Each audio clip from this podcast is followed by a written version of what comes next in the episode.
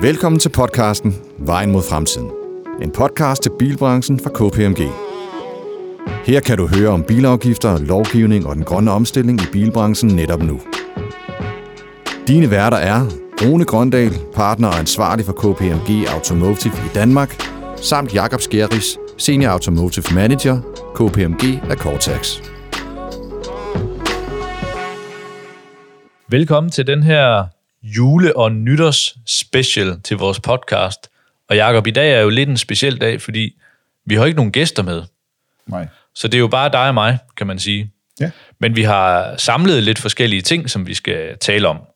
Øhm, og det vil vi så prøve at kigge tilbage på. Blandt andet, så skal vi øh, høre nogle indlæg fra vores konference, vi holdt øh, tidligere i december, Den 3. december, ja. den 3. december. Og øh, så skal vi også kigge generelt lidt tilbage på, hvordan det gik med året her i bilbranchen. Mm-hmm.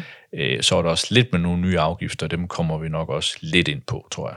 Ah, det bliver vi, øh, det, det kommer vi nok ikke udenom. Og, og så må vi lige sige, i forhold til timingen af vores konference, så havde vi vores konference den 3. december, og så kom, øh, fordi der troede vi, at, at på det tidspunkt, der var der helt sikkert afklaring omkring bilafgifter, og de kom mm. så dagen efter, så Ja, det er jo... da vi hørte rygterne om, at øh, det var ved at, at, at, at være op til den 3. december, så, øh, så fik vi det lige rykket til den 4. Så det var, jo- det var vi godt tilfredse med. Ja, men øh, lad os prøve at se lidt tilbage. 2020 har jo budt på store forandringer i bilbranchen. Mm. Den grønne omstilling den blev accelereret med de her skrabe CO2-krav fra EU, og covid-19 gav jo nogle ret store udsving i salget, øh, øh, med faktisk øh, lukkede bilfabrikker mm. øh, i, i perioder, ikke? Mm. Øh, og så det brugte jeg lige dykket, og så til gengæld gik rigtig godt. Så fik vi også nye bilafgifter Ja, her i december. Og det, det må man sige, det var i sådan lidt i, i 11. time. Det var kun, kun øh, få uger før afgifterne på de miljøvenlige biler, de stod til at stige ganske kraftigt. mm. Så, øh, så der, der, der er sket meget i år. Men når det så er sagt, så er de grundlæggende trends i bilbranchen, de er det samme. Mm-hmm. Øh, og der må vi sige, især den grønne omstilling og, og digitalisering fylder rigtig meget. ja. Øh, så øh, det, det kigger vi, vi på i dag. Og så skal det jo lige nævnes, at, at vi havde jo her den 3. december den her konference for bilbranchen, og, og øh, der havde vi en række branchefolk til at deltage i både nogle præsentationer og en paneldebat, hvor det primære fokus var, hvor ligger indtjeningen i øh, bilbranchen i fremtiden. Mm. Og den kommer vi til at, at vende lidt tilbage til. Ja. Men lad os lige kigge på de her bilafgifter først, Rune.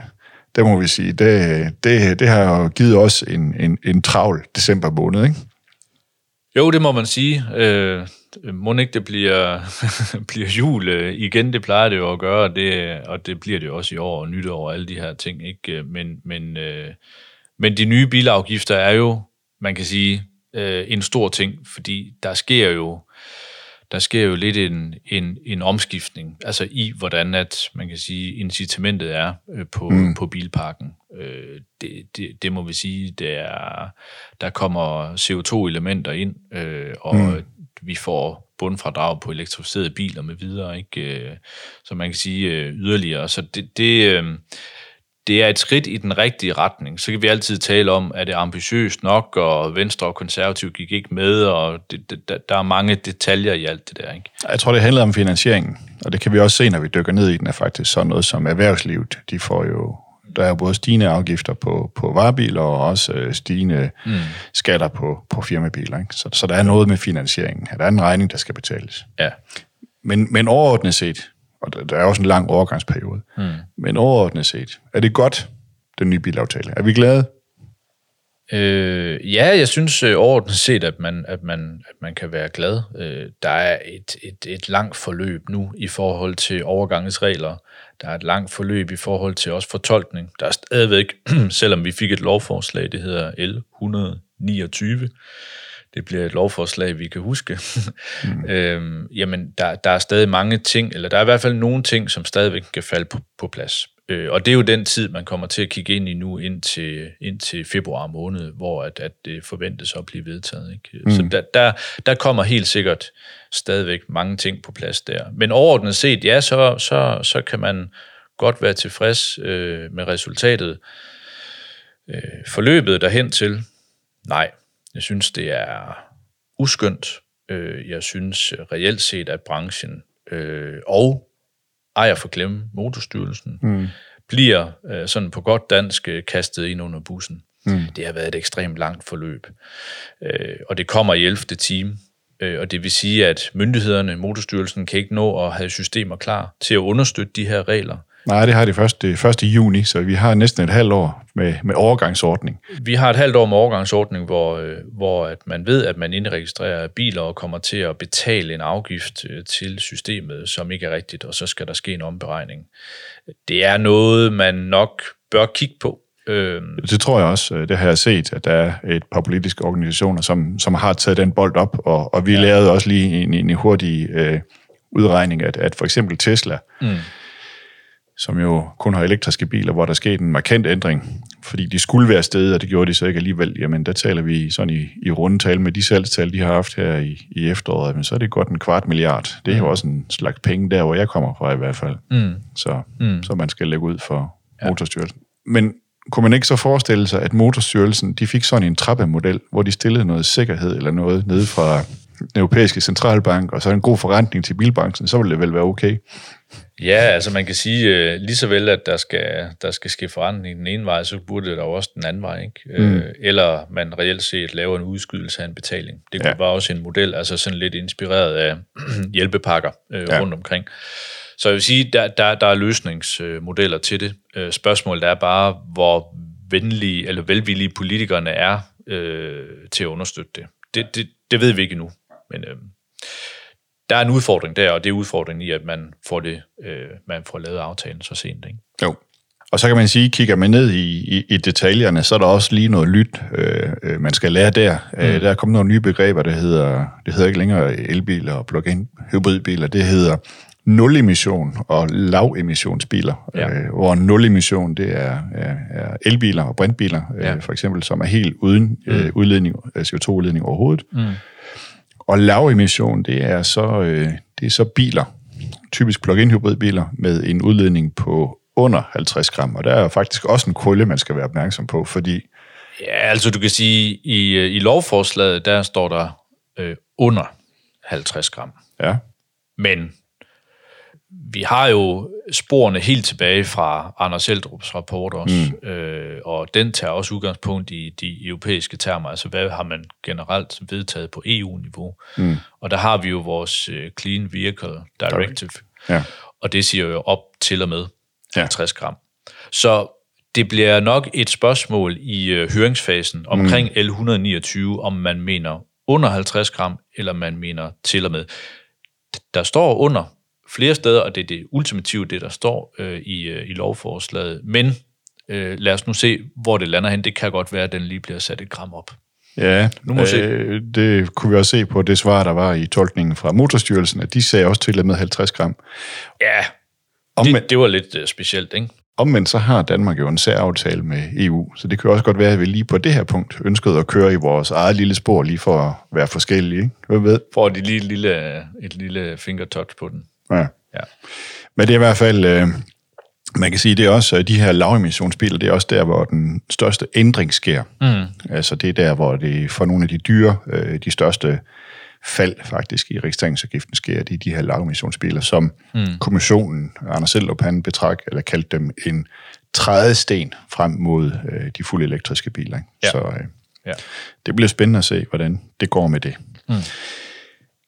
Så tænkte jeg også lige, øh, en af de ting, vi havde på vores konference, som vi drøftede, det er jo øh, det her med persontransport. Ja. Fordi øh, det er faktisk bilen, der holder Danmark kørende, kan mm. man sige. Ikke? Mm. 84 procent af al persontransport i Danmark, det foregår i bil. Mm. Det er jo vildt at tænke på, ikke når politikerne de snakker om offentlig transport og alle mulige andre ting, men altså, det er ja. 84 procent. Så ved jeg godt, der er det er vildt forskelligt, alt efter om man kigger ind i den indre by i København og indre by i Aarhus, der er det meget, meget mindre. Mm. Øh, men til gengæld kigger man bare uden for de her steder, så er bilen, så er man jo danskerne dybt afhængige af bilen. Hvad tænker du med corona? Kommer det til at... Hvad, hvad, hvad, jeg er, tror er ikke, der? at det her tal, eller den her procent, den falder. Det tror jeg ikke, den gør. Mm. Øh, den, den er stabiliseret, og måske også lidt på vej op det hænger nok også lidt sammen med noget af det, vi skal tale om lige lidt senere omkring øh, ejerformer og, og, og, og man kan sige mm. sådan fremtidens mobilitet generelt. Øh, der taler vi jo helt ned fra mikromobilitet og så også op til, til bilerne. Ikke? Men, mm. men det går jo også ud over den kollektive trafik. Ja. Øh, så man kan sige, ja, med det vi kan kigge se ind i, og, og med den understøtning, der er i forhold til ja, forskellige man kan sige, modeller til at kan transportere sig i fremtiden, så øh, vil det ikke overraske mig, hvis, øh, hvis tallet det er, er stabilt eller måske stødt stigende. Altså, mm. øh, at persontransporten rent faktisk kommer til at være op i sådan et leje. Mm. Ja. Sådan at de her 10 procent, som det offentlige transport udgør pt., det bliver måske endda svært faldende, øh, fordi den individuelle mobilitet, den, er, den er nemmere at have med at gøre. Ja, og så tror jeg også, det har noget med generationer at gøre, altså mm. øh, fleksibilitet. Ja.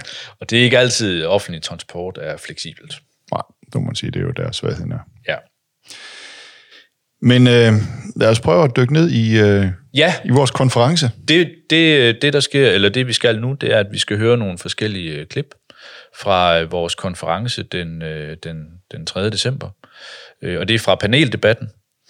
Og det første klip, vi skal høre noget omkring, det er eftermarkedet, hvor vi, øh, hvor vi diskuterede lidt øh, på, på eftermarkedet, og hvordan at, at det kommer til at fungere, specielt i forhold til den kommende, eller sådan udvikling af elektrificeringen, vi ser, også i bilerne. Mm. Og hvordan kan eftermarkedet håndtere det? Så der havde vi faktisk uh, inviteret en, uh, vel nok den frække dreng i klassen, ikke? Mm. Uh, Anders Skorstensgaard fra Skorstensgaard, der jo ja. ikke er bange for at udfordre den mere etablerede del af bilbranchen, uh, som repræsentant for eftermarkedet, for at fortælle lidt om det. Præcis. Så, uh, ja. ja. Lad os høre klippet. Mm. Ja, selvfølgelig er vi det. det, er ikke ændret, det er ikke anderledes for os, end det er for de autoriserede værksteder. De skal også omstille sig rigtig meget i forhold til elbiler. Det er nyt for os alle sammen og for hele branchen. Vi har de samme adgang til information og teknisk viden, som, øh, som de mærkemesterne har. Det skal øh, importørerne og fabrikkerne stille til rådighed for os. Og det gør selvfølgelig også, at vi har den indsigt, der skal til for at håndtere den øh, udvikling og de elbiler, der kommer i fremtiden. Så det handler mere omkring struktur, det handler omkring økonomi, og det handler omkring, at man skal som virksomhed eller som kædevirksomhed prioritere at sende sine medarbejdere på kursus og uddannelse, fordi vi har øh, viden til rådighed Spændende. Nu skal man jo huske på, at, at øh, bestanden af fossile biler, den falder faktisk først fra 2025, så værkstederne har stadigvæk noget at, at rive i derude. Men lad os også lige prøve at høre på, hvad Torben Kusk fra FDM har at sige til det her. Øh, og der ved vi i hvert fald fra, fra vores medlemmer, vi har jo 250.000 husstande i Danmark, der er medlemmer af FDM, så ja. vi har sådan en meget god fornemmelse af, hvad, hvad, hvad, der, hvad der rører sig der at det er altså væsentligt, at man har den der gode øh, connect til sit værksted og så videre, så det har lige så stor betydning for, om man så køber øh, det samme mærke igen, mm. altså man sådan føler, at man har en god proces. Præcis. Så det der med bare at skille det hele ad og sige, nu kan vi købe bilen på nettet, og så er der noget andet, vi må finde ud af med nogle værksteder der, der er nok ikke nogle udfordringer. Der tror jeg ikke helt, vi er endnu. I hvert fald ikke, når det brede segment skal i gang. Okay. Og der er de store kapitalsrens, for eksempel fra fabrikkerne. De kan godt se, de her elbiler, der bliver ikke så meget i eftermarkedet at tjene på dem. Altså, der skal ikke hældes motorolie på til 200-300 kroner literen en gang om året, og så videre, så videre. Det bliver lidt en dårlig forretning for dem. De er okay. hammerne dyre at lave, og der er ikke ret meget at skrue på. Ej. De skal finde på noget andet. Mm. Og Hvad gør du det, Anders? Ja. Jamen altså... Hvad gør I? Jeg skal ikke have olie på min bil. Nej. Øh, øh. Altså, jeg tror på, at i fremtiden, der bliver der færre værksteder. Man luser simpelthen ud i værkstedet. Det, så, hvad med din pengepunkt så? Jo, men så er det nemlig, at øh, så kommer vi flere biler ind på værkstederne. Eksempelvis i dag, der har vi to og en halv biler inde i gennemsnit per værksted per mand. Øh, I fremtiden hedder det måske fire biler per mand per værksted. Så når vi lige samler op på det her med eftermarked, så er der altså stadigvæk behov for værksteder til at, serve, til at servicere bilerne, mm. uanset om de er den ene eller den anden drivlinje, der i dem. Mm. Det næste, de næste klip, vi skal høre, det er omkring digitalisering, eller måske så nærmere den her kunderejse. Og det talte vi også om på, øh, på konferencen øh, ved paneldebatten. Og her, vi havde jo Nikolaj Kopernikus som moderator, og han havde jo en helt dugfrisk oplevelse med i bagagen. Fordi på vej over til konferencen, der havde han jo hentet sin nye Tesla på et lager i Ringsted. Og, øh, og det spurgte han øh, ind til øh, Niels Friis Berlesen fra øh, Nick Christian-gruppen, som jo også sidder som importør, lidt ind til. Og øh, lad os prøve at høre det klip. Og nu, nu leger jeg bare lige med tanken om, at man øh, som, øh, som forbruger, øh, når man skal ud og købe en ny bil, i princippet, da jeg handlede den her Tesla, så gik jeg ud til tre unge fyre, der står derude i godt nok et eller andet interiør, hvor der står Tesla. Men det er bare en parkeringsplads, hvor der står tre forskellige varianter af deres biler. Jeg får en øh, prøvetur. Han siger, at du kan være maks bruge en time, så kommer du tilbage. Jeg brugte 23 minutter, så, og så var den skide stået, så havde jeg bestemt mig. Hvad nu hvis, og det er jo en sjov tanke, men hvad nu hvis man forestiller sig små units, at jeg byder ind og siger, jeg har også tre modeller af den her bil eller den her bil. Så kom ned og prøv dem, og så køber jeg den direkte. Øh, er, er I ikke ved øh, i øh, importbranchen, øh, eller hvad hedder sådan, er I ikke ved at være, er, bliver I ikke bange for, at, der, at man går helt udenom alt det der? Jeg, jeg, jeg har set mange forskellige øh, måder at gøre det der på. Øh, jeg, jeg tror sagtens, at du kan se, at der er nogen, der køber en bil direkte fra en fabrik, og jeg tror også, du kan se nogle forhandlere lave aftaler direkte med fabrikken, og jeg tror også, du kan se det modsatte. At tingene de er på via en importør og, og mærkevarer osv., og så, videre, så kører du den vej ind til. Så jeg, jeg tror, når vi ser ind i, i hvert fald den mellemne fremtid, så, så, så vil du se hele spektret. Du vil se nogen købe direkte, og du vil se nogen køre igen, og det afhænger meget af, hvad strategi du har, hvad der ligger i brandet, om du vil have det billigt, eller og så videre. Så, så jeg tror, at forbrugeren vil opleve det hele. Ja, det var sådan lidt om, om de nye biler, altså i forhold til den her kunderejse, og det er jeg egentlig meget enig i, at det bliver nok forskelligt, hvor de forskellige, man kan sige, mærker, de kommer til at lægge sig henne, mm. øh, med de forskellige strategier, de måtte have. Så øh, det var en ting. Men brugte biler, kan man også købe brugte biler på, på nettet for eksempel. Og det havde Henrik Engel fra ALD øh, faktisk en bemærkning til, og det øh, kommer vi til at høre nu. Men som svar på de spørgsmål før, Nikolaj, omkring det her med, med, med køb af biler online. Ja. Altså, vi startede op med salg af brugte biler for tre år siden øh, på vores egen platform. Og, øh, og det, er sådan, det var sådan lidt, øh, lidt angstprovokerende at prøve at se, kan du sælge en brugte bil på nettet? Kan man virkelig gøre det? For der er forskel på at sælge en ny eller sælge en brugt. Og det vil lykkes rigtig, rigtig godt med faktisk. Og selv uh, Maren i Åbebro har rent faktisk købt en brugt uh, BMW 420. Det er jo så dejligt for dig, Niels. Der bliver sikkert serviceret på et af dine værksteder. Mm. Tak for det. Men, men, men det er jo et meget godt eksempel på, at både yngre og ældre rent faktisk køber på nettet. Og efter vi er begyndt at lave leasing af brugte biler, også på nettet, så er det for alvor taget fart.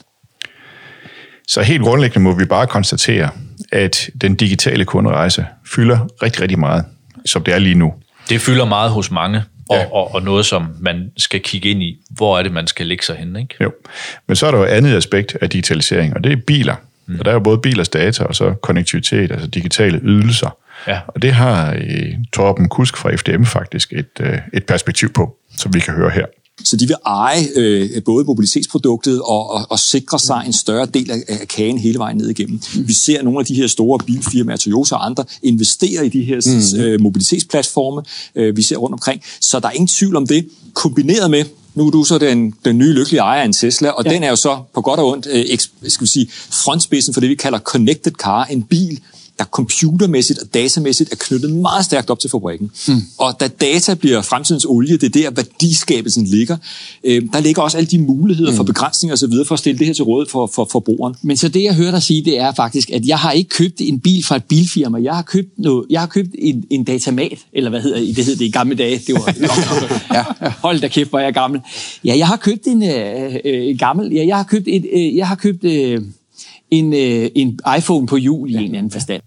Så det er, det må bare konkludere, det er datamaser, vi øh, kommer til at køre rundt i, i fremtiden. Det næste, vi talte om, det var ejerformer. Mm. Og øh, det går jo også sådan fra noget fra ownership og til usership, og det mm. er, der havde øh, en, Henrik Engel nogle, øh, nogle gode bemærkninger, synes jeg, og vi kom til at diskutere nogle gode ting, så det skal mm. vi høre nu her. Ja. Er vi ude i, at jeg er en af de sidste dinosaurer, der lige har købt en bil, at, vi, at, at øh, lige om lidt, så, øh, så, så tager man det på andre platforme? Jamen, jeg, jeg, jeg tror, vi kommer til at bevæge os fra ownership til usership, for at sige det på godt dansk. Og det, ja. det er den retning, det går. Vi kan jo se, at, at privatleasing er taget voldsomt til inden for de sidste 5-7 år, for det for alvor tog fat i Danmark.